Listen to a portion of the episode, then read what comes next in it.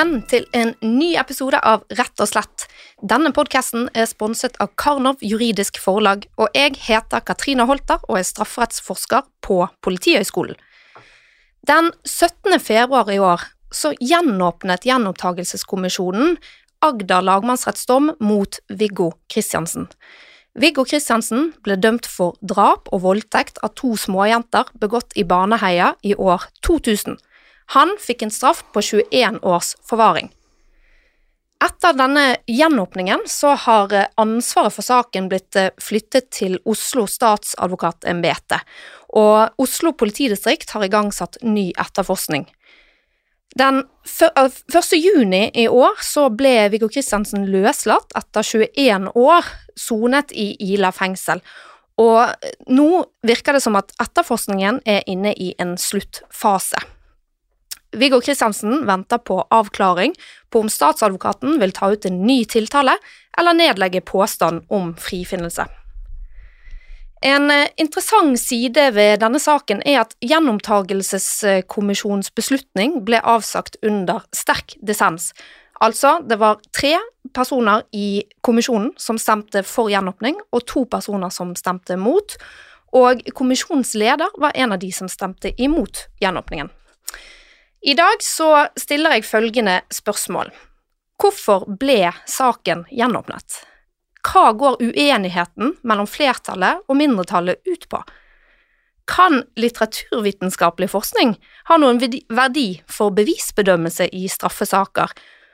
Og hvordan har prosessen mot gjenopptakelse vært for Viggo Kristiansen? I studio så har jeg med meg litteraturviter Frode Helmich Pedersen fra Universitetet i Bergen. Han har ledet et forskningsprosjekt om fortellinger i retten, og har jobbet en del med Baneheia-saken. Velkommen, Frode. Takk skal du ha. Kan du eh, si noe om hvordan du har arbeidet med Baneheia-saken? Ja, litt av grunnen til det var jo at uh, jeg kom jo inn i et uh, såkalt uh, senter for humanistiske rettsstudier som postdoktor litt sånn uh, grønn og sånn. Visste ikke helt hva jeg skulle holde på med. Men de som var der, de holdt veldig mye på med justismord. Forskjellige saker som de mente da var uh, sannsynligvis justismordsaker. Uh, og jeg hørte jo på disse forskjellige sakene som de presenterte, disse forskerne som var tilknyttet det, ledet av Arild Lindeberg. da. Og av de sakene som de snakket om, så var det for meg helt tydelig at Baneheia-saken skilte seg ut som et veldig overbevisende tilfelle av en, iallfall en uriktig avgjørelse. Og eh, eh, Sånn at eh, det jeg fant ut at jeg skulle gjøre da, det var at jeg skulle lese faktumsfremstillingen i byrettens dom veldig grundig, og jeg skulle lese den med tanke på plausibilitet. Uh, og rett, ja. Unnskyld, men hvorfor byrettens dom og ikke lagmannsrettens dom? Fordi at er byrettens dom du har faktumsfremstilling, ikke lagmannsrettens dom, fordi at juryen ikke begrunner sin kjennelse. Mm. Og hvorfor må en eh, domsfortelling være plausibel? Eh, ja, altså en domsfortelling må være En domsfortelling det er altså faktumsfremstilling, kan vi, kan vi si da i utgangspunktet. Det er, dom, det er rettens egen versjon av hva som har skjedd i saken. sant? Det er klart Hvis den ikke er plausibel, så betyr jo det at uh, den ikke står til troende. Uh, og det er klart en uh, dommens, Domstolens egen fortelling bør jo stå til troende hvis, hvis vi skal ha tillit til at avgjørelsen er riktig, da. Mm. Og, så, og dette arbeidet, da skrev du altså en artikkel som du fikk publisert i tidsskriftet Rettferd. vil du si noe om, overordnet om denne artikkelen? Eh, ja, altså Tanken her er jo at jeg bruker eh, litteraturvitenskapelige nærlesningsmetoder. Altså Nærlesning betyr kort og godt at du leser veldig grundig, og du leser med tanke på eh, noen Å avdekke noen eh, konstruksjonsmomenter da i selve i selve hvordan uh, fortellingen er bygget opp.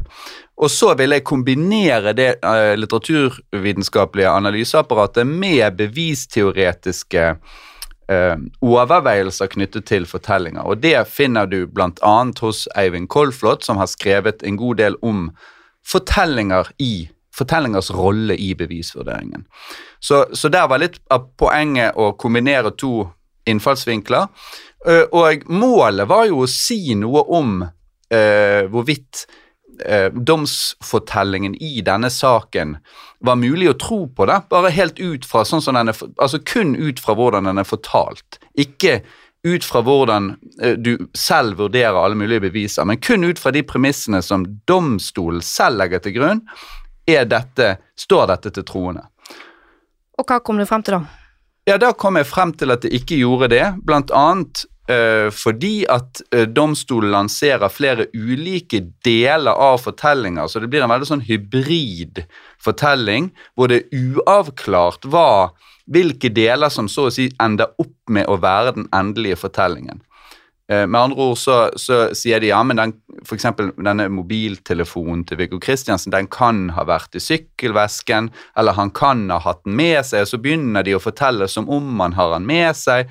Uh, og så etterpå så snur de rundt og forteller som om han hele tiden har ligget i sykkelvesken. Og så lager de ikke en enhetlig fortelling hvor de bestemmer seg for hvilke premisser som skal gjelde for den endelige faktumsfremstillingen. Så de har litt forskjellige, også, også, med hensyn til motiv, har de litt forskjellige forslag. Uh, og, det, og, og, og til, til sammen så fant jeg da ut at den fortellingen var så lite plausibel at Eh, at beviskravet vanskelig kunne sies å være oppfylt ut fra de premissene som domstolen selv lanserer. Og jeg har også lest eh, den artikkelen din, eh, og syns den er utrolig interessant. Kan anbefale den til alle lyttere av Rett og slett. Og du kommer jo også veldig overbevisende frem til nettopp den konklusjonen. Med meg i studio i dag har jeg òg en tidligere gjest eh, fra Rett og slett. Journalist og forfatter Bjørn Olav Jahr deltok i den første episoden om eh, Birgitte Tengs-saken. Eh, og Bjørn Olav har skrevet boken 'Drapene i Baneheia'. To historier, én sannhet. Og er derfor også aktuell på Baneheia-saken, og hadde veldig lyst til å invitere deg tilbake igjen, og er utrolig glad for at du takket ja til det. Um, I boken drapene, 'Drapene i Baneheia', som da kom ut i 2017, så kommer du med en uh, konklusjon som uh, nok var ganske kraftig kost den gangen den kom ut. Du skriver den største tragedien i Baneheia-saken er at Lena Sløgedal Pausen og Stine Sofie Sørstrønen måtte bøte med livet. Den nest største er at Viggo Kristiansen i skrivende stund har sonet 17 år for drap og voldtekter han ikke har begått. Eh, boken din ble mottatt med kraftig kritikk i starten, og har senere fått anerkjennelse. Eh, og nå er du igjen aktuell med en ny bok om Baneheia. Eh, den har fått tittel Prosessen mot Viggo Kristiansen. Jeg har også rukket å lese deler av den boken med stor interesse. Det er veldig kjekt å ha deg tilbake igjen, Bjørn Olav. Velkommen. Tusen takk. Um, har den nye boken din um, har den blitt bedre mottatt enn den forrige? Uh, det er vanskelig å si, fordi den har egentlig ikke blitt mottatt ennå. Uh, den kom ut for eh, litt over to uker siden, og det har foreløpig ikke vært en notis i noe medier om boken. Så dette er første gang jeg prater om boken siden den kom ut. Uh, så jeg syns jo det er interessant, det også, at det ikke blir noe omtale av den. Ehm, ja, så det er så tenker jeg, Men der jeg har fått mottakelse fra den, for det er jo ganske mange som har lest den foreløpig, og, og det, det, er en veldig fin mottakelse. Og det som jeg også så da en sånn Facebook-gruppe som heter Baneheia-saken, hvor, de, hvor det var en som skrev at hun fortsatt mente at Viggo Kristiansen var skyldig, men hun syntes at boken var veldig solid. Uh, og det er jo hyggelig at man kan glede også de som synes at han, eller fortsatt mener at han er skyldig. Eh, kunne du bare gitt, um, hjulpet de leserne som ikke kjenner Baneheia-saken så veldig godt, med å bare gi et veldig kort resymé av, eh, av, saken, og hvor den står i dag. Ja, altså skal man gå helt tilbake, så er det jo 19. mai 2000 hvor to små jenter, Lena Sløgdal Paulsen på ti og Stine Sofie, Sofie Sørstrønen på åtte, går for å bade i Baneheia, eh, og de kommer aldri tilbake. Eh, og det går to døgn før de blir funnet. det går ytterligere noen måneder før man finner kjønnshåret til Jan Helge Andersen på åstedet, og da bestemmer politiet seg for å arrestere både Jan Helge Andersen og Viggo Kristiansen. Uh, og så sliter eh, de Jan Helge ville ikke innrømme noe som helst i avhør, men eh, etter en liten stund så sier politimannen som avhører ham, at vi har et inntrykk av at også du er et slags offer i denne saken, og at det er din bestevenn Viggo Kristiansen som har vært den mest aktive på åstedet. Og da, dette vet vi jo fordi politimannen skrev en rapport om dette. Uh, og Han skriver jo da også at så, da så det ut som at Jan Helge Andersen fikk noe å tenke på. Og like etter så tilstår da Jan Helge Andersen drapet på den minste jenta, Stine Sofie, og sier at det var Viggo som drepte den eldste, og at det var Viggo som forgrep seg på begge jentene mens han selv satt med ryggen til. Uh, og så blir det på en måte sånn som jeg har sett det, og derfor har jeg også valgt å kalle den første boken 'To historier en sannhet', for det er historien til Jan Helge, og det er historien til Viggo. Den er helt forskjellig. De, de møtes i Baneheia før drapene skjer, en times tid i forkant, og Viggo sier han drar hjem, og at han er i sykkelboden sin. Jan Helge sier at de drar sammen inn i Baneheia og dreper og voldtar. Uh, og hvilken historie er det vi skal tro på? Uh, og den alle trodde på, var jo at, uh, at de hadde dratt inn sammen i Baneheia for å drepe og voldta. Uh, mens, uh, mens, jeg har jo jeg har jo sett på bevisene i saken, og jeg har også hatt stor glede av Frodes arbeid med bl.a. med mobilbeviset hans, sant, som jeg har brukt veldig aktivt i den nye boken, uh, hans vurdering av den. Og, og, det er helt klart at sånn, sånn, for meg så er jo bevisene veldig tydelige. altså sånn, Da går saken opp. man, Da, da, da stemmer Viggo, Viggo Kristiansens forklaring stemmer overens med bevisene. Da. Det er det jeg mener, og, og, det gjør ikke Jan Helge Andersens forklaring. og og så har på en måte vært mitt prosjekt å vise hvordan dette kunne skje. Uh, og da er den nye boken, kan du si, det er det, det, er det hvor da, viser egentlig hvordan det, det, ikke blir rettet opp i. Uh, altså Viggo Kristiansen kommer inn til soning um, i uh, februar 2002 på Ila, og han slipper jo da først ut i juni i år. etter å ha fått saken sin gjennomtatt, etter å ha sittet inne i over 20 år. Mm. og kan du litt mer sånn inn på um, bevis for bevis, ta oss gjennom den fortellingen som ligger til grunn for domfellelsen av Viggo? Det som, det som retten har funnet bevist. Ja, ikke sant? Det, det, som ble veldig viktig i saken, var eh, det var jo Jan Helge Andersens forklaring som var veldig sentral for politiet. Det var bare den de hadde. Men så, så går det en måneds tid, og så går politiet ut og sier, de kaller inn til en pressekonferanse og sier at de har, nå har de bevis, DNA-bevis som 100% sikkert knytter Viggo Kristiansen til åstedet. Det skulle jo ganske snart vise at det var ikke noe bevis som på noen måte knyttet han 100 til åstedet, men det blir også en fortelling som også er i byretten, og som blir, og som blir sementert i lagmannsretten, om at man har sikre bevis for at det er to gjerningsmenn på åstedet. At man har DNA-bevis som tilsier det. Eh, og så bruker de mye tid på Jan Helge Andersen for å få For det, Jan Helge Andersen blir jo konfrontert med det de mener er DNA-bevis, og han sier at ja, det er riktig at han også forgrep seg på en av jentene, han forgrep seg på den eldste jenta, sier han. Mens det politiet mener de har av DNA-bevis, det tilsier at han skal ha misbrukt den minste jenta. Uh, og at Viggo skal ha misbrukt den eldste alene. Så de bruker da to måneder på å bearbeide Jan Helge Andersen, så han snur forklaringen sin og sier at det var den minste jenta han forgrep seg på likevel. Og så kommer dette i retten, og så blir det brukt som til å styrke Jan Helge Andersens troverdighet, for at han nå sier, forteller han en historie som støttes opp om av, DNA-beviset, og motsatt. Og da er dette, dette DNA-beviset er så ekstremt altså Det er så ekstremt tungt vektet. og så, så dette mobilbeviset som Frode var inne på tidligere, det, det som, som, skulle være til utelukkelsesbevis, det det, det, ikke bare nøytraliseres, men det på en måte detoniseres. Det, det, det, tas ikke med i betraktningen, det legges til side. Så, så det, er det, er, er, det er de tre bevisene som er de viktige i saken. Det er DNA-beviset, et utrolig svakt bevis som blir gjort utrolig sterkt, og så har du mobilbeviset, et utrolig sterkt bevis som blir gjort utrolig svakt, og så har du Johan Helge Andersens forklaring som ble sagt å være svært troverdig. Politimannen som hadde avhørt ham, sier at Jan Helge Andersen de tok ham kun i å lyve ved en anledning, og det var at han, at han holdt tilbake at han skulle ha seksuelt misbrukt den ene jenta. Mens eh, sånn som jeg, som gikk da gått grundig gjennom alle avhørene og sett på alt hva Jan Helge fortalte som ikke stemmer, og som ikke er riktig, og som, og som, kan, ja, som er forvridninger, og, og, hvordan han slipper unna med det. Da. Og jeg tror dessverre så var det om å gjøre at Jan Helge Andersen skulle fremstå som et mest mulig troverdig vitne, for han var jo et av de viktigste bevisene de hadde mot Viggo Kristiansen. Ja, og Frode, du har jo eh, også vært inne på dette her i artikkelen din, altså denne kombinasjonen av dette DNA-beviset, som da man la til grunn i retten at det måtte være to gjerningsmenn, og hvordan det DNA-beviset blir veldig sterkt i kombinasjon med Andersens forklaring. Fordi Viggo hadde jo da ingen forklaring på hvordan det kunne være to gjerningsmenn på åstedet. Nei. Nei, men der er jo der er litt av uh, poenget er at det finnes to typer Hvis vi skal ta det teoretiske, da. Det finnes to typer plausibilitet. Den ene er, er, er generell plausibilitet, og det handler om hvorvidt fortellingen i seg selv henger sammen, høres grei ut, at det ikke skurrer. Sant? Eh, og det andre er såkalt saksspesifikk plausibilitet, og det betyr at fortellingen må ikke bare henge sammen i seg selv, den må også passe med bevisene i saken. Eh, Hvis man ser på generell plausibilitet, så er det ingenting galt med, med Viggo sin forklaring. Altså Det er ikke noe usannsynlig ved at han har låst seg ute av sykkelboden, eh, drar opp, eh, ringer til faren til eh, Jan Helge.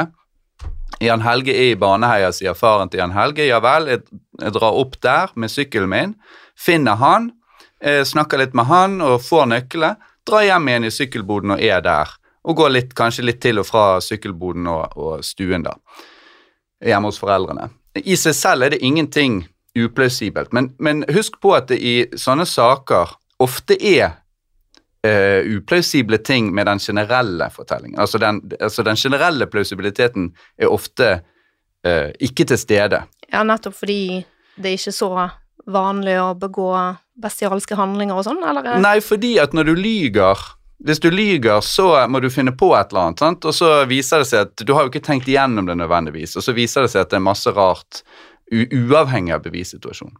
Men det som skapte problemer for Viggo Kristiansen, det var jo at den fortellingen som han eh, la frem der for politiet, kunne jo ikke forklare Jan Helges forklaring, og den kunne ikke forklare eh, ja, eh, mobil... Nei, eller mener DNA-beviset, men altså det er, jo ikke, det, er jo ikke, altså det er jo alltid en mulighet for at grunnen til at man ikke kan forklare den typen beviser, er at man ikke har hatt noe befatning med, med de kriminelle handlingene. da. Mm. Men, men det var det psykologiske problemet som mange så. da, For det første det at de var veldig gode venner, og for det andre da at, at eh, det, det virket underlig å trekke sin beste venn inn i noe sånt. Eh, det, det syns mange var rart. Så det var et problem. altså Det var et, et legitimt problem for, for på en måte etterforskerne. da. Eh, Her er det to ulike fortellinger, og, og vi må tro på en av dem. Men det, hvis jeg kan si noe der, så det som er veldig interessant, er jo at politiet er jo veldig tidlig opptatt av at det skal være én gjerningsmann. For det blir jo laget en gjerningsmannsprofileringsanalyse, altså en gjerningsmannsprofilgruppe som lager en analyse. Og den analysen tenker jeg er veldig god. Den, den, de fremkommer jo at jentene er drept og voldtatt på identisk vis. Alle grenene er kuttet på identisk vis. Alle spor på åstedet peker mot én gjerningsmann. Og statistisk sett så er det jo også én gjerningsmann som står bak en sånn ugjerning som dette her. Eh, Så, så man er veldig sikker på at det er én, faktisk. Eh, Man holder åpent at det skal være to. Statistikken, bare, den er fra USA er vel, ja. for er vel ikke så, så vanlig i Norge. Altså man, altså man, bare det at man har veldig få tilfeller av, av drap av to personer begått av to personer, det er jo, det, er- det er jo sjeldent. Uh, Ja, for Men- det er jo mange som vil spørre altså, hvordan var det mulig for en person å håndtere begge to. Ja, det er et veldig interessant spørsmål, og det er nok det som på en måte henger veldig igjen også, men, eh, men eh, så er jo spørsmålet også Det, det, det fremkom jo også ganske tidlig at man ikke visste hvorvidt Altså hva som kom først, da. Hvilken rekkefølge det var. Var det drap og voldtekt, eller var det voldtekt og drap? Eh, og, og, er det, og er det drap først, så, så forklarer jo det også stillheten på en annen måte. Kan du eh, gi en kort oversikt eh, over begrunnelsen til flertallet i gjenopptakelseskommisjonen for å gjenåpne saken? Eh, ja, jeg tror eh, det, er ingen, det er ingen tvil om at det er DNA-beviset som har vært helt sentralt for dem. Uh, det fremkommer jo fra kommisjonens behandling at november 2019 så, så ble det laget en innstilling fra, fra denne utrederen i kommisjonen som har utredet alle tidligere avslag også. Eh, hvor jeg er ganske sikker på at det er et nytt avslag som ligger klar på beddingen. Og så, og så tenker jeg det må være noen i kommisjonen som sier at nei, vi har ikke nok, vi må få en ny DNA-analyse inn. Og da kommer det en dansk sakkyndig inn som oppnevnt av, av eh, kommisjonen selv, og han sier akkurat det samme som det de, altså de DNA-sakkyndige som har vært oppnevnt av, eh, eller som har vært engasjert av forsvarerteamet til Viggo tidligere, som sier at, eh, at det er ingen grunn til å kunne si at det er to gjerningsmenn her. Det kan man på ingen måte si med sikkerhet, det kunne man heller ikke si den gangen med sikkerhet. Det viser seg jo senere sant, at det som ble fremlagt for retten som at det skulle være bevis for to gjerningsmenn, der la man frem tre av fire prøver, mens den fjerde prøven som var tatt av, av underlivet til en av jentene, som ikke ble lagt frem for retten, den viste at det kunne være fire gjerningsmenn. Eh, Og det tror man jo ikke noe på. ikke sant? Så hadde, hadde alt det vært lagt frem i sin tid i retten, så hadde man neppe tatt det for gitt, altså brukt det premisset for at det skal være sikre bevis for to personer. Eh, og det, og det, er det som flertallet også er tydelig inne på, at her kan vi ikke si at det er noe sikre bevis for at det er to gjerningspersoner. Og da sier de at når DNA-beviset faller i verdi, så, så, kan ikke det lenger, så kan ikke man si at Jan Helges forklaring støttes opp av, DNA-beviset, og, og, det øker hans troverdighet. I tillegg så man også får et utslag på DNA som viser at Jan Helge Andersen har begått langt grovere overgrep enn det han uh, selv har forklart. Og da sier de også at når, når, når DNA-beviset og Jan Helge Andersens forklaring faller i verdi, så, så øker mobil, mobilbeviset i verdi. Eh, ja, det er det, det, jo, viktigste. Og da er det jo det der at de finner fra fire personer, altså at det antyder at det kan være fire gjerningsmenn, det er jo da et uh, tegn på at det har vært forurensning, er det ikke det? Ja, det er, det er, det er en av forklaringene at det kan være forurensning. Det er i hvert fall, i hvert fall lite trolig at det har vært fire gjerningsmenn. Uh, og, og, det som er problemet, er jo at, er at man har drevet med sånn cherrypicking, altså at man har lagt frem tre av fire prøver i retten. Uh, og også spanjolen i sin tid som gjorde disse prøvene, jo heller, mente jo, konkluderte jo heller ikke med at det var sikre bevis for to gjerningsmenn. Så dette er jo en sannhet som har blitt til underveis i retten og blitt, etter hvert blitt en etablert sannhet. Og, og, det, og det dommeren til slutt i lagmannsretten, så spør jo han den rettsmedisinsk sakkyndige som vitner fra Rettsmedisinsk institutt på vegne av de spanjolene som har foretatt prøvene, er det sikre bevis for to gjerningsmenn, og da svarer hun ja på det. Og da sier jo han til juryen at ok, vi vet at det er to, vi vet at det er Jan Helge, hvem andre skal det være enn en, en Viggo hvis ikke, hvis ikke, det er han? Uh, og, der, og, der, blir jo den historien veldig viktig om at disse to gutta alltid hang sammen, og at, og at Viggo var den sterke og anføreren osv. Og, og for å være ærlig, Han hadde jo ikke sjans med, med sånn type vitnemål som blir så sterkt vektlagt. Så, så, blir, så, blir, det igjen da dette mobilbeviset, som jo måtte vært veldig, veldig forstyrrende for politiet å påtale hele veien. Det blir allikevel lagt til side, da. Mm. Ja, og da, der, kan vi jo også nevne at ja, For det første kan vi jo nevne at la oss si at bevi, mobilbeviset hadde vist det motsatte. da. Mm. Tror du at påtalemyndigheten da ville ha satt det til side eller tenkt at det ikke var viktig? Det er et eller annet med det. sant? Det, det virker helt utenkelig, for det er så sterkt. Ja, og det var, det var, jo veldig sånn i, for det, Politiet var jo fornøyd med alt i denne saken etter byretten, bortsett fra én ting, og det var Telenor Mobil sitt vitnemål. For, for han, Dekningsdirektøren fra Telenor Mobil han sier at det er helt usannsynlig at mobilen til Viggo Kristiansen kan ha vært på åstedet, for den dekningsområdet som trafikken går over, går over et sted som heter Ega, og det når ikke opp til åstedet. Altså Man er langt unna. Og Da engasjerer politi og påtale eh, en ny sakkyndig som flytter den teoretiske grensen noe ut, men han flytter den ikke. Han kommer ikke helt opp på åstedet, men han flytter den 150 meter nærmere. Og Så sier da dommeren, eh, i lagmannen i sin rettsbelæring, så sier han at da er vi nærme nok. Og da er vi fortsatt et par hundre meter unna åstedet, altså, med fire tekstmeldinger. Mm. Uh, Frode, um, jeg har hørt uh, enkelte si at de, de, på en måte legger til grunn mobilbeviset som, um, som holdbart, men de mener at det likevel ikke utelukker at Viggo Kristiansen har vært med på dette her. Uh, og da er det sånn at um, den siste sikre observasjonen av jentene er regnet til å være klokken 18.50 på denne fredagen. Så er det en innkommende SMS på Viggo Kristiansen sin telefon klokken 18.55, og så er det en utgående SMS klokken 18.57. Så skjer det ikke noe mer på den telefonen før det kommer en ny SMS inn på telefonen klokken 19.24, og så går det ut en SMS klokken 19.37. Eh, kan Viggo ha lagt eh, mobilen i sykkelvesken? etter å ha sendt den siste SMS-en klokken 18.57, løpt inn i Baneheia, voldtatt og drept, og vært tilbake igjen ved sykkel i tide til å sende en SMS klokken 19.37. Altså, dette gir han jo 40 minutter. Ja, altså, hvor, hvorfor eh, kan ikke dette stemme? Vel, det viktigste grunnen til at dette ikke kan stemme, er jo at det overhodet ikke passer med Andersens forklaring, som er jo det viktigste beviset. Han har jo ikke forklart seg på den måten. Han har jo tvert imot forklart seg på en måte som tilsier at de tok lang tid fra de var ved bommen på ved Svartsjøen til de kom til det utkikkspunktet hvor de så jentene første gang. Sånn at da, da, får de et problem, eller da ville retten fått et problem hvis den retten skulle gjort, uh, lagt dette til grunn, da, det som du nå lanserer. Det, ville, det kunne jo retten ha gjort, men det gjør ikke retten, fordi at det passer ikke med, med Andersens forklaring. En annen ting er jo at, at du får uh, du, du får en kunstig kort tid. Hvorfor i alle dager skal han løpe tilbake igjen og løpe inn Eh, det, det, er, det, er, veldig vanskelig å forstå. Jeg, jeg, tror, jeg, jeg, tror, at den der versjonen her uansett hvordan du snur og vender på det, hvis du timer Jeg har selv vært ute i Baneheia og timet. Så, så, så, tror jeg rett og slett at det blir en veldig uplausibel fortelling i seg selv. Eh, om, om, det kan utelukkes på et teoretisk nivå, det tør jeg ikke å ha sagt, men uplausibel i alle fall. Ja, jeg kan føye inn der, ikke sant. For det, det, er jo fra øh, bommen der hvor denne sykkelen skal stå parkert, hvor denne telefonen da angivelig skulle ligget nedi sykkelvesken, derifra til der hvor du skal møte jentene, tar det sånn ca. 7-8 minutter å gå, så tar det 5 minutter å komme seg opp til åstedet, og så tar det kanskje 10 minutter å komme seg tilbake fra åstedet til bommen. Så der er jo på en måte halvparten av de 40 minuttene er gått bare på transport. Og så skal du jo treffe jentene med en gang. Eh, og så I tillegg så, så, skal han jo da, så kan man også lure på skal han tilbake der og sende en SMS. Hvorfor skal han gjøre det? Hvorfor skal han være borte fra åstedet i 20 minutter? Og, og, og, hvis han da allerede har drept, ville han ikke da kanskje vært f.eks. blodig på hendene? Det kan han selvfølgelig ikke være, det er ikke, det er ikke gitt at han er det, men så er det, så er det et enda et element inn der. det er at Ved denne bommen her så er det veldig mye trafikk. det er jo sånn Senere så har man jo sett at det er 75 mennesker som passerer, passerer eh, bommen i det, i det tidsrommet den sykkelen angivelig skal ha stått plassert der. Og fem stykker av disse her, de står og tøyer ved bommen etter å ha vært ute på joggetur. Eh, og, og, en av dem har vært, spesielt opptatt av denne sykkelen som han har observert tidligere, for han syntes at den var så fin.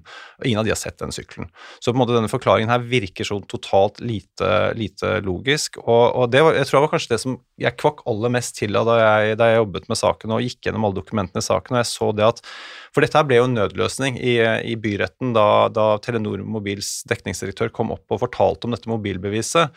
Så kalte jo da Viggos forsvarer, nei, Jan Helges forsvarer han kalte Jan Helge Andersen opp i vitneboksen, for da kunne jo ikke lenger Viggo har hatt med seg mobiltelefonen slik den opprinnelige forklaringen var. Og Det er da denne teorien om at den skal ligge til sykkelvesken, kommer opp. Eh, og det, det, bryter jo fullstendig, sånn som Frode er inne på her også. De sier jo at de går fra, fra svartkjønn opprinnelig Jan Helges opprinnelige forklaring er at de går fra svartkjønn denne bommen der, sånn kvart over seks eller noe sånt nå. Og så skal de rote rundt til teltplass en halvtimes tid, stå og observere jentene sånn kvart på syv eller ti over halv syv, og så skal de møte jentene. Nå må plutselig den telefonen ligge, bli lagt i den sykkelvesken i det tidspunktet de egentlig har surret etter en teltplass et helt annet sted en kilometer unna. Så det passer ikke i det hele tatt. og, og og det som overrasket meg så veldig da jeg så at uh, Viggos forsvarer ble spurt om har du noen spørsmål til Jan Helge, og han har jo selv vært på befaring, og han har jo, du har jo kart over baneeie, bakgrunn og sånne ting, og han sier nei, han har ingen spørsmål. Det tror jeg kanskje er sånn, den, den kraftigste opplevelsen jeg har hatt av liksom sånn her, hva i alle dager er det som skjer her. Og så Hadde det vært en god advokat der, så hadde han jo plukket Jan Helge fullstendig fra hverandre. Og jeg er helt sikker på at når politiet avhører Jan Helge i dag, så bruker de, så plasserer de Ok, du sier at dere var der på det tidspunktet, mens, mens mobiltelefonen til Viggo må ha vært der. Hvordan kan du forklare det? ikke sant? Altså, det, det går ikke an å forklare det. Men uh, mindretallet i gjenopptakelseskommisjonen, de har jo ikke ønsket å gjenoppta saken, og hvordan behandler de dette mobilbeviset, da? Det er veldig interessant. Jeg syns uh, lederen Siv Hallgren hun har, jo, hun har jo gått ut tidligere mens saken var under behandling, så sa han at de to viktigste bevisene i denne saken her er DNA-beviset og det såkalte mobilbeviset. Man er veldig opptatt av å kalle dette mobilbeviset såkalt som om det omtrent ikke finnes. Veldig spesielt, tenker jeg. Og så ser jeg jo da den er, den, hele den gjenopptakelsesrapporten Rapporten er på 370 sider eller noe sånt nå. Jeg tror mindretallet nevner mobilbeviset med én setning. Uh, de, de, de, bryr seg ikke om det. Altså, de, de tar ikke stilling til det.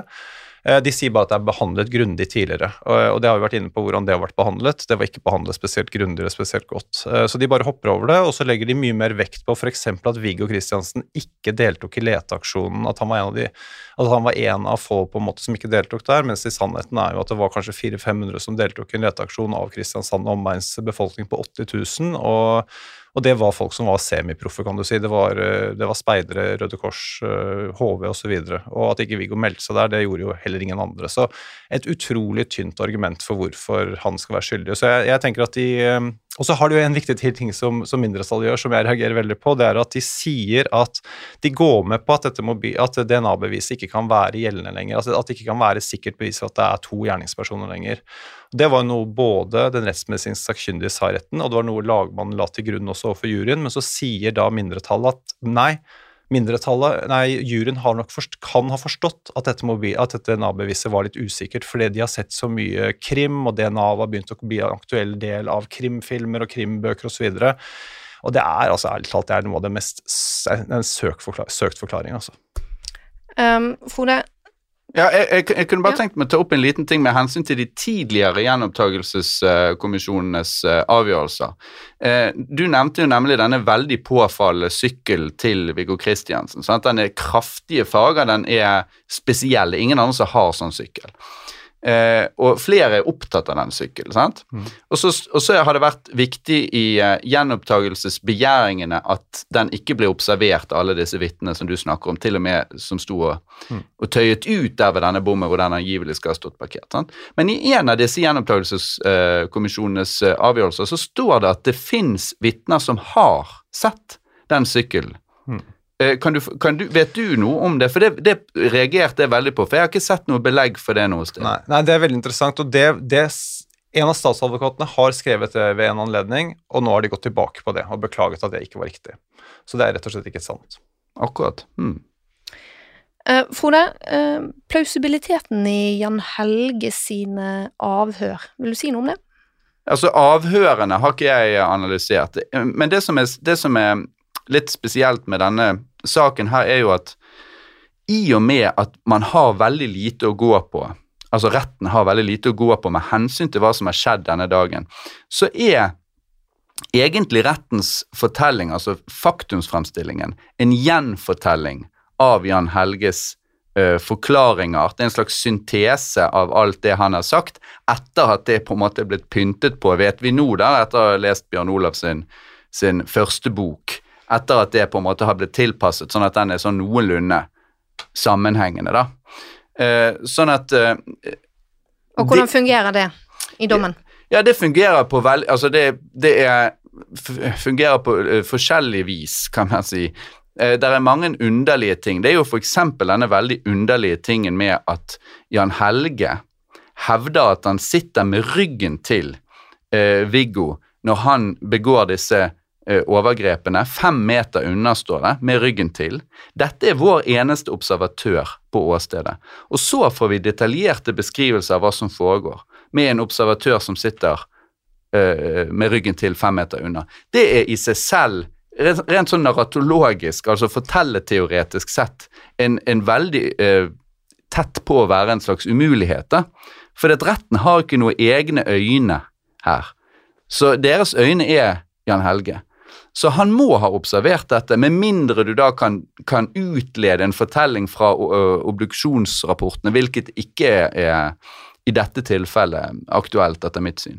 Ikke sant? Så her er du inne og ser på liksom hvilke perspektiver er det egentlig eh, dommeren kan ha, eller retten kan ha.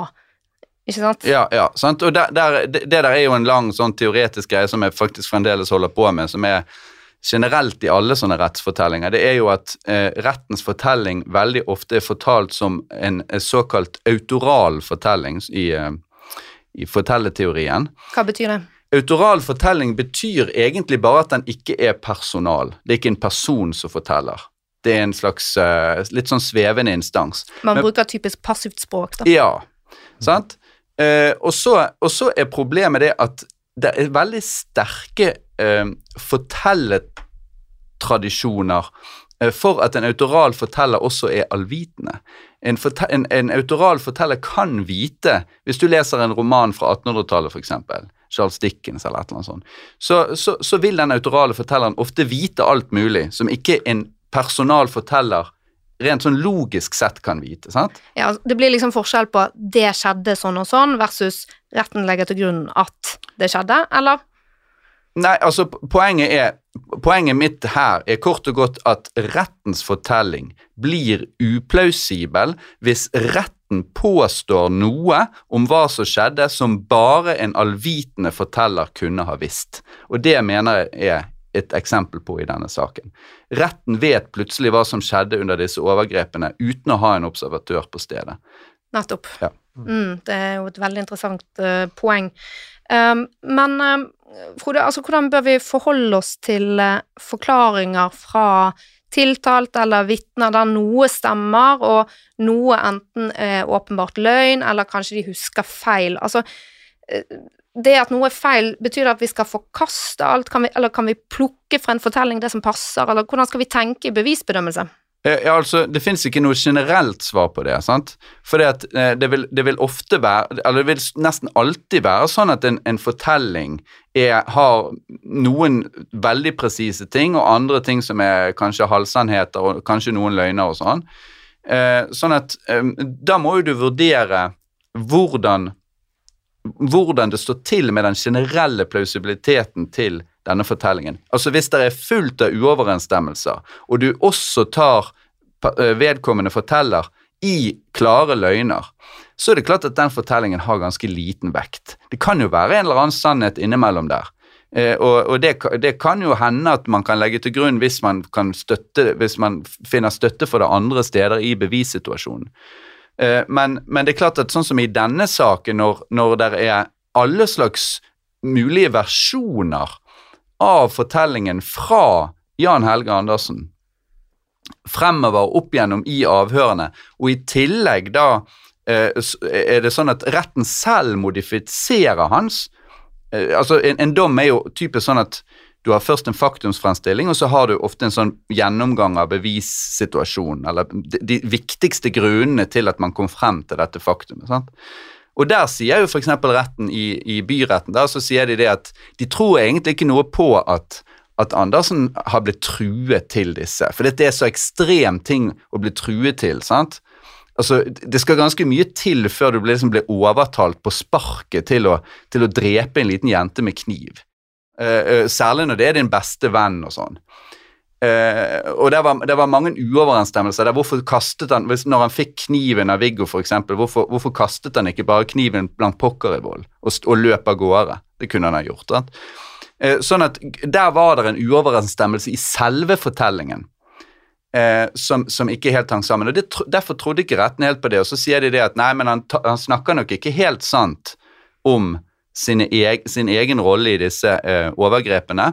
Og dermed så sier de egentlig at motivet faller bort. For motivet, sånn som Andersen hadde forklart det, var frykt for represalier av Christiansen. Og retten sier egentlig at det motivet kan ikke vi legge til grunn. Han, han, han kan ikke ha vært så redd. Han må ha hatt en egeninteresse. Men de går ikke så langt i den retning. sant? Og da er mitt poeng at en fortelling er veldig avhengig av hvilke motiver vi har. Hvis du plutselig sier, altså lager en fortelling om at du har gjort et eller annet litt viktig, og så, og så plutselig sier de at det var ikke fordi at, at den grunnen som jeg først sa at det var, så får du faktisk en helt annen fortelling. Og da må du sette inn et nytt motiv. Og hva skulle det motivet være?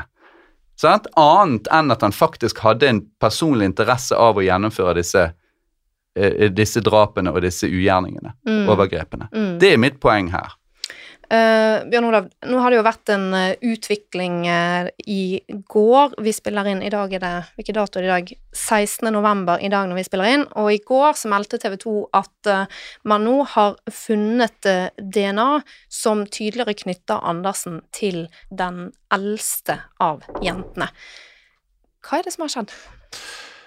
Uh, ja, nei, altså de har jo Det er veldig positivt at man har gjort eh, nye DNA-analyser, åpenbart. Eh, og, og det har jo vært Men det, du kan si det, det er positivt at det har skjedd. eh, det er negativt at det tok så lang tid før det skjedde. Eh, altså Sigurd Klomsæt, advokaten som kom inn og tok tak i gjenopptakelsessaken for Viggo Kristiansen våren 2008, han ba jo allerede halvåret etter om at det måtte foretas nye DNA-undersøkelser.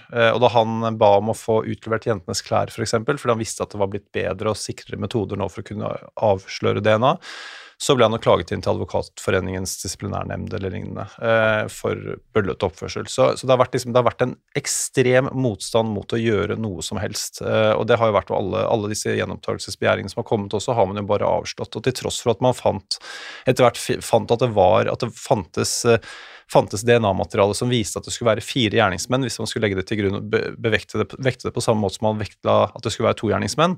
Eh, likevel så gjorde man ingenting med saken. Altså Det har vært, det har vært så minimal med interesse for å gjøre noe med det, men da det endelig ble gjort, så har det jo nå, det jo nå fått noen veldig interessante resultater, nemlig at de kan knytte Jan Helge Andersen i langt større grad til overgrep på Lena Støgdal Paulsen.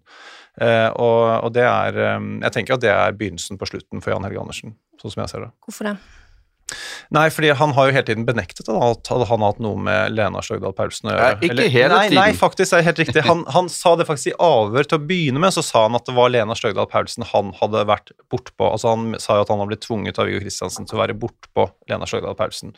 Så passet ikke det med, det, med den teorien øh, politiet hadde om at, uh, om at de, hadde, de, mente de hadde DNA som knyttet Viggo Kristiansen alene til Lena, mens de hadde DNA som knyttet både Jan Helge og Viggo til Stine. Så, så, de brukte to måneder på å bearbeide Jan Helge Andersens forklaring, sånn at han skulle gå tilbake, sånn at han skulle si at det var Stine Sofie han hadde seksuelt misbrukt likevel.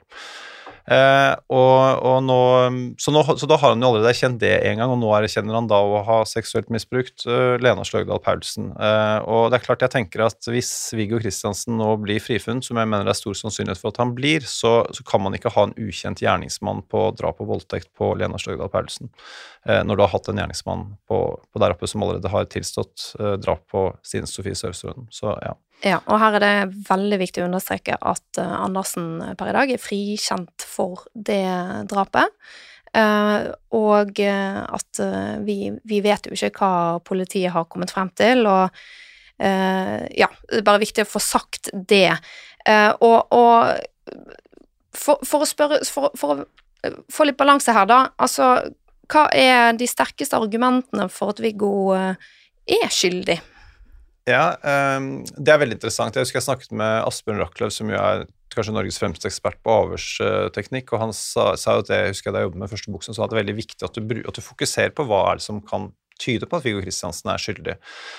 Og det mener jeg at jeg brukte også mye tid på i den første boken, uh, til tross for at eh, mange mente at jeg kun fokuserte på Jan Helge Andersen, så gjorde jeg ikke det. Men det som er med Viggo Kristiansen, du kan si det, det, det, det ble, lagt, ble, brukt som et argument for at han skulle være skyldig at de hadde funnet Jan Helge Andersens kjønnshår på åstedet. Det mener jeg er et dårlig argument for at han skal være skyldig. Uh, fordi, fordi, Jan Helge Andersen har jo andre han kjenner også, som ikke har noe med ting med dette å gjøre. Så det at vi hans kjønnshår har ingenting å si, tenker jeg da. Men det at de møtes i forkant, de blir observert i forkant uh, av drapene, og de blir observert sammen i etterkant av drapene. Så de er observert før og etter drapene, uh, og, og, så hang de mye sammen. Og Viggo Kristiansen hadde jo også en oppførsel som var uh, veldig utagerende og, og, problematisk, og etter hvert så fremkom det også at han hadde seksuelt misbrukt en liten jente i nabolaget.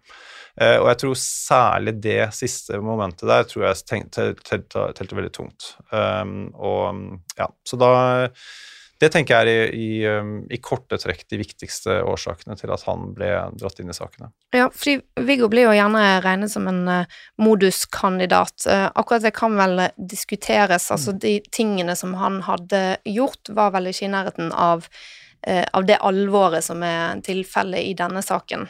Nei, det mener jeg også. Her synes jeg er litt sånn viktig, for man, Det er veldig lett å bruke dette begrepet moduskandidat. altså En som er kapabel til å utføre en sånn handling som, som har skjedd for da oppe i Baneheia. Hvis du tar f.eks. Birgitte Tengs-saken, som jeg også har jobbet mye med, så er den mannen som er arrestert i dag og siktet, han har forsøkt å kvele psykologen sin tidligere. Han har begått grove overfall på kvinner mens han selv har vært i seksuelt opphisset tilstand. Han er en helt åpenbar moduskandidat. Så han ble arrestert i dag, så kan man, så nå så kan man godt forstå det ut fra også tanken at han er denne moduskandidaten, i tillegg til at man har funnet DNA. Når det gjelder Viggo Kristiansen, så hadde han eh, Så ligger han kanskje litt sånn mer i grenselandet, tenker jeg da. Altså han, han, jeg skjønner jo at man var interessert i ham, og det tror jeg faktisk også han selv forstår. Eh, og han hadde gjort seg veldig uheldig bemerket. Og, eh, men samtidig så er det et eller annet med, som jeg tidligere var inne på, at de de tror jo at det er én gjerningsmann helt inntil det er Jan Helge Andersen de får kjønnshåret til, og så tenker de nok at Jan Helge Andersen er en litt sånn for tafatt type, og de har hele tiden på en måte sett liksom på Jan Helge og Viggo som en enhet, kan du si, og da, og da blir han trukket inn på grunn av det, da. Det kan være det er, ikke, det er ikke gitt at de hadde gått etter to personer hvis de hadde funnet en annen mann sitt kjønnshår. Ja, jeg jeg vil bare legge til det når det gjelder modus. Så er litt sånn eh, det har jo blitt brukt for alt det var verdt i, i denne saken, og brukes jo ganske ofte. sant? Uh, og Det er litt viktig å være klar over at modus kan egentlig bety to ting. En veldig vid ting. Hvis vi, sier, hvis vi definerer modus som den tiltaltes tilbøyelighet til å bryte et bestemt straffebud, eller noe sånt, uh, så er jo det veldig generelt. sant? Det er veldig stor forskjell på om jeg uh, stjeler din mobiltelefon, eller om jeg begår Nokas-ranet. Begge deler er liksom uh, tyveri. Men altså uh, Poenget er at uh, du kan også bruke modus i en snevrere forstand, og der går det jo på et helt spesifikt handlingsmønster, som er nærmest et slags fingeravtrykk som Jon Hov, eller hvem er det også, Hov, eller hva du kaller det for. Eh, og og det, det, det er jo ikke tilfellet i den saken med hensyn til Viggo, men det det er tilfellet, er, er jo de to drapene utført på de to eh, forskjellige jentene. Der har du den type modus, helt lik drapsutførelse. eh, eh. Og det er mer lignende til, til det vi kan kalle et slags modus som fingeravtrykk. Men eh, altså, i bevisteorien, ikke sant, så, så snakker man om eh, fortellingsperspektivet. det er jo det som du har benyttet når du har, har studert dommen fra tingretten, eller fra byretten. Eh, og fortellingsperspektivet går jo da ut på at man undersøker om det finnes på en måte Altså om fortellingen som skal eh, domfelle denne personen, om den er plausibel, altså går dette her opp. Um, og så sier man, det vel Eivind Kolflot som har formulert eh, beviskravet med, i henhold til fortellingsteori, altså at, at dersom det eksisterer en frifinnende, plausibel fortelling, så eh, vil ikke beviskravet, det strenge beviskravet i en straffesak være oppfylt, fordi at da skal man være altså oppe på eh, 95-99 sikkerhet, og det er bare den liksom rent teoretiske tvil man skal kunne se bort ifra. Eh, slutningsperspektivet, det jo, går jo ut på at man da går inn og så, og så tar man utgangspunkt i de enkelte bevisene, og så, og så undersøker man hvilken slutning, hvilken konklusjon kan jeg trekke fra hvert enkelt av disse her eh, eh, enkeltstående bevisene i saken? Eh, og jeg tror det er veldig viktig at man skal at man må kombinere fortellingsperspektivet, altså der er det en fortelling som kommer inn og gir mening og helhet til bevisene og det som har skjedd, med dette slutningsperspektivet, der du går inn på en måte atomistisk og starter med det enkelte beviset og trekker slutninger derfra. Og det er bare når du på en måte kontrollerer fortellingen mot slutningsperspektivet, at du vil kunne være trygg, da. Eh, så jeg tror ingen av disse perspektivene kan, eller bør, få eksistere på egen hånd, de, og, det gjør de nok ikke heller. Eh, og en ting som, eh, som jeg tenker er en mulig svakhet med fortellingsteorien, det er jo at noe kan oppleves, i alle fall, som mer plausibelt dersom det stemmer med dine fordommer. Mm. Um, og jeg tror jo det at uh, man har nok opplevd um, Man har opplevd det som sterkt plausibelt at Viggo Kristiansen var med på disse ugjerningene, fordi det passet så godt inn i fortellingen om disse to som Knoll og Tott, som var sammen hele tiden og skremte nabolaget, um, og, og, der Viggo Kristiansen på en måte var lederfiguren. Uh, og, og Dessuten så oppleves det på en måte særlig plausibelt når man da også ser det i lys av de tidligere hendelsene som Viggo Kristiansen har vært med på og innrømmet. Um, så det at man Altså, plausibilitet Du kan finne plausibilitet i deler av en hypotese, og det kan lede deg inn på feil sti. Vil du kommentere ja, på det? Ja, altså det første, uh, må jeg bare presisere, det første du sa, altså den alternative formuleringen av beviskravet via fortellingsperspektivet, der manglet du et lite moment, nemlig en plausibel, frifinnende fortelling som også passer med bevisene. Det er meget viktig å ha med, mm. for da du, fanger du inn den saksspesifikke plausibiliteten mm, i tillegg. Så for poenget er at alle er, kan være, helt sikkert være enige om at i seg selv er Viggo Kristiansens forklaring plausibel. Problemet er at den ikke passer med enkelte beviser, deriblant da Jan Helges forklaring. Sånn at, uh, sånn at det, må, det, må, alltid være med. Til det andre du tar opp der, med at det, at det er et problem med, med fortellingsperspektivet. Uh, nei, det er jeg ikke helt enig i. Det som er, er, er, det derimot sier, det er at det er et problem hvis du har et naivt forhold til fortellinger. Så det er nettopp hvis du har et fortellingsperspektiv at du kan avdekke den type eh, fordommer. Sant? Og fortellingsperspektivet, sånn rent teoretisk, det har jo eh, i, i, litteratur, altså det som feltet som kalles lov og litteratur, så har jo, begynte jo det nemlig som en skepsis mot å bruke fortellinger. Det har jo på en måte vært Ulike forskere har jo hatt ulike holdninger til det. Noen som har holdt på med fortellingsperspektivet, har jo ment nettopp at etter de analysene de har gjort, og den teoretiske gjennomgangen de har gjort, så vil de eh, ha bort fremføringen av helhetlige fortellinger i retten, sånn som de i høy grad har f.eks. i USA, hvor fortellingene hele tiden ble avbrutt på bakgrunn av klare bevisregler, som nettopp skal atomisere hele tiden. sant?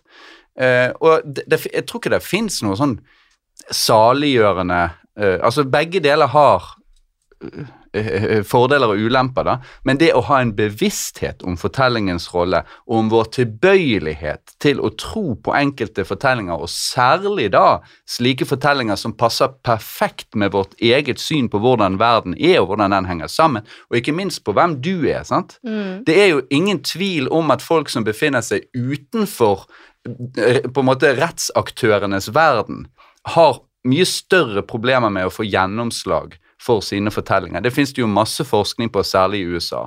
Altså minoriteter og tidligere straffedømte, folk som lever helt andre typer liv, og som har helt andre typer, altså tenker helt annerledes om hvordan alle slags ting i dagliglivet fungerer.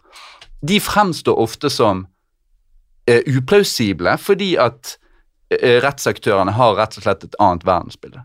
Mm.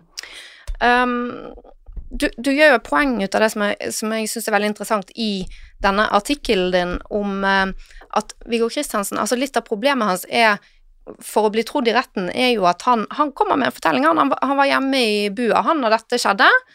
Eh, og problemet med den fortellingen der, er at den gir ingen svar på Ja. hva som har skjedd.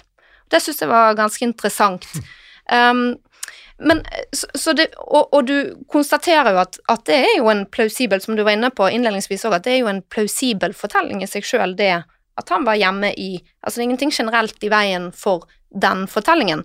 Uh, og um, han ble vel også Altså moren til Viggo Kristiansen vitnet jo også i retten om at hun mente hun hadde hørt han utenfor. Gjorde hun det, Bjørn? Mm. Um, Ja, hun gjorde det. Eh, Ja, hun gjorde det. Hun ble ikke Men samtidig så sier ikke sant, Hun blir jo da også spurt kan du er du helt sikker på det, så sier hun at hun kan jo ikke utelukke at det kan være en drømmetenkning. ikke sant? Og Så blir hun ikke vektlagt, for det passer jo heller ikke inn med bevisene som ellers skal være at det er sikre DNA-bevis for to personer, og Jan Helge Andersen som forklarer Viggo Kristiansen inn i saken. Så da passer ikke morens forklaring inn med det, men det passer jo veldig godt sammen med mobilbeviset, og sammen med Viggo Kristiansens forklaring. Så passer det utmerket. Så, så det er veldig interessant. Men det er litt interessant det med, med at man ikke forteller noe, sånn som Viggo Kristiansen fikk jo, ikke sant? det har jeg fått høre mange si etterkant her, men han sa jo ikke noe, han forteller ingenting i retten, han sier ingenting, men det han sier er at jeg var jo ikke der. Uh, og da har du jo veldig mye mindre å fortelle eh, enn hvis, hvis hele premisset for hele saken er at man skal snakke om hva som har skjedd på åstedet, og du ikke har vært der, så er det jo egentlig ikke så mye å si. ja, og dette var jo i en situasjon der hele samfunnet var desperat etter svar. Ja, men det også har jo overrasket meg veldig, for jeg, jeg kan jo på en måte i større grad forstå politiet i Birgitte Tengs-saken f.eks., at de var så ute etter å ta uh, en gjerningsmann, og, og, de, og ikke gjerningsmannen, da, dessverre. Uh, at de måtte ha et svar. I Baneheia så har du jo faktisk et svar. Altså, du har jo, du, de har jo egentlig gjort en ganske god etterforskning. De har jo klart å finne kjønnshåret til Jan Helge Andersen. De har hatt han i kikkerten lenge. Han har vært i Baneheia dagen før alene og rekognosert. Det vil si at han var ikke alltid sammen med Viggo Kristiansen. Uh, han har opptrådt da i Baneheia dagen i forveien og virket forstyrret. Så det er klart de har mange ting som tilsier at uh, de har rette mann, og at, de skal, at det skal bli en vellykket sak, men så må de dra også med seg Viggo Kristiansen inn. Og Der tror jeg det bare har vært en teori om at det er, to, om det er disse to, og at de har håpet at de to skal snakke hverandre inn i saken. Så det var jo sånn første del av, av, av planen der. Det er å få Jan Helge Andersen til å tilstå ved å skylde på Viggo Kristiansen.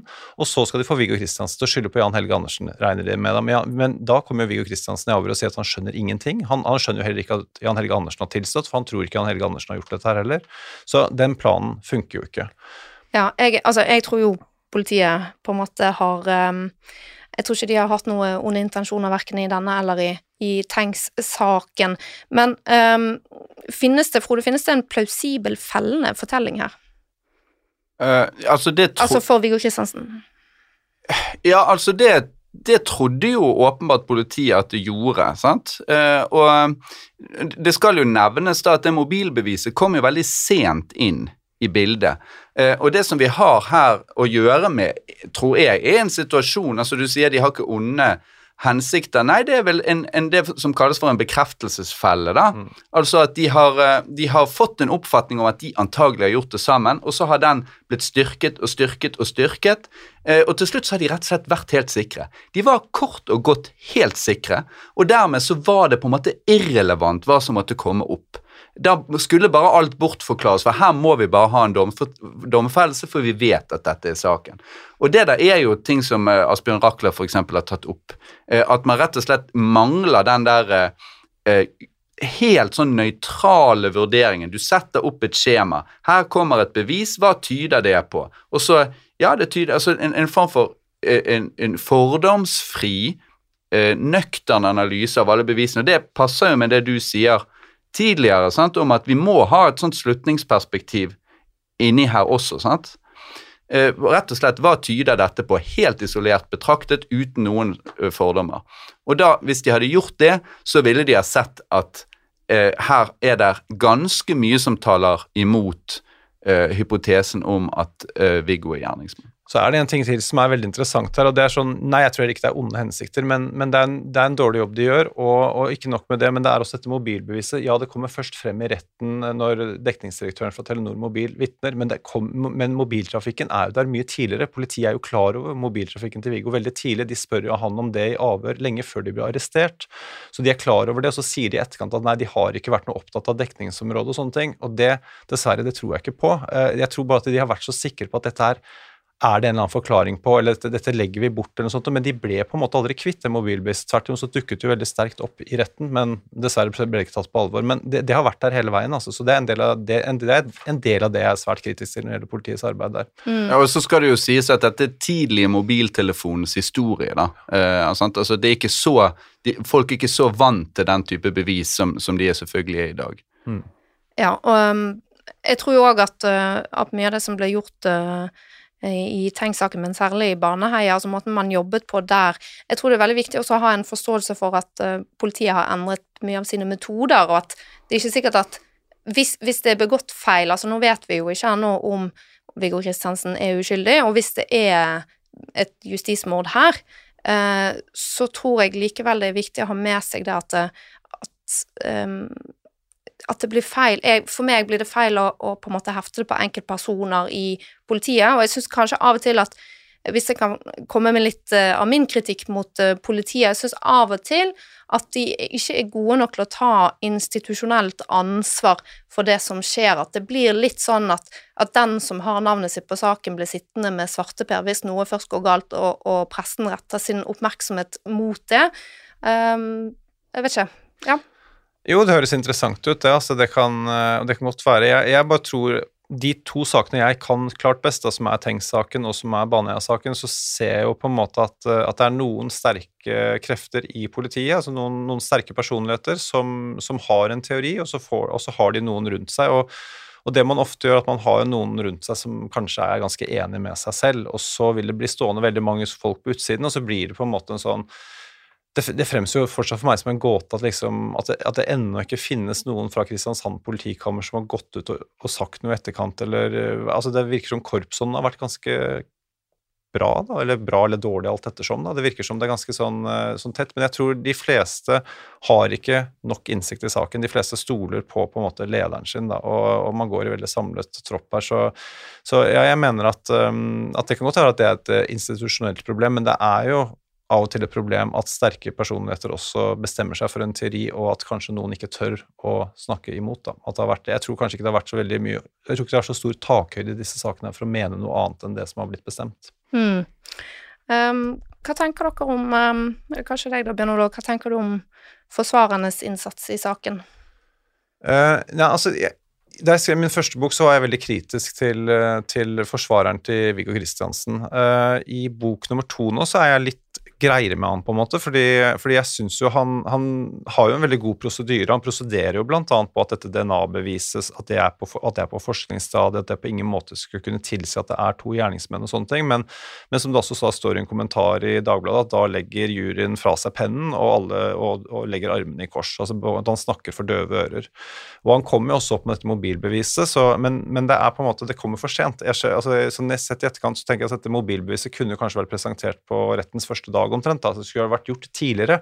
Uh, og han er også altfor passiv når han, når, han blir, når han, blir, intervjuet i mediene i forkant. sånne ting. Til hans forsvar så hadde han jo aldri hatt en straffesak før, så det er også litt, sånn, det er også litt spesielt at Viggo Kristiansen ender opp med en advokat som aldri har hatt en straffesak før. Det er jo ikke spesielt heldig. Og så har du motsatsen, som er, som er Jan Helge Andersen, som får en advokat som turnerer mediebildet veldig godt, og som, og som, har, som har, ganske kloke og gode uttalelser hele veien, syns jeg. Men, ting, så, men, stemmer det ikke at han opprinnelig spurte etter uh, Tor Erling Staff? Jeg, jeg vet at, i hvert fall at uh, Jan Helge Andersen spurte Tor Erlingstaff. Jeg tror- vet ikke om Viggo Kristiansen også gjorde det, men det skulle ikke forundre meg, for det er vel han på en måte alle, alle husker og kjente Og, til og den gangen. gangen. da svarte politiet i Agder at det var for langt unna, For for langt han, unna. bodde, ja, for han Ja. bodde i Oslo. Ja. Og der spurte jeg en kjent, eh, en kjent uh, strafferettsekspert som jeg ikke skal uh, nevne navnet på, som sa, som sa det høres ut som Agder politidistrikt. Ja. Men det samme skjedde faktisk i Tengs-saken også. Der også, var jo, der også spurte, jo, spurte jo fetteren til Birgitte, for det var den eneste han visste om, var Tor Erlingstaff. Så han også spurte om han, og da, da fikk han, både han og faren senere spørsmål vil dere ha sak eller vil dere ha sirkus. Og de ville jo ha sak, så da var det sånn nei, da dropper dere han. Mm. Så, så det er klart, det å, det å slippe å få en, um, få en slugger inn i saken, da, det, det har nok vært en fordel for politiet. Takk. Ehm, jeg tror vi har eh, kommet til veis ende i dag. Denne episoden skal eh, deles opp i to, sånn at det blir en oppfølgerdel eh, om, som dere lyttere vil få tilgang til etter hvert. Takk for i dag.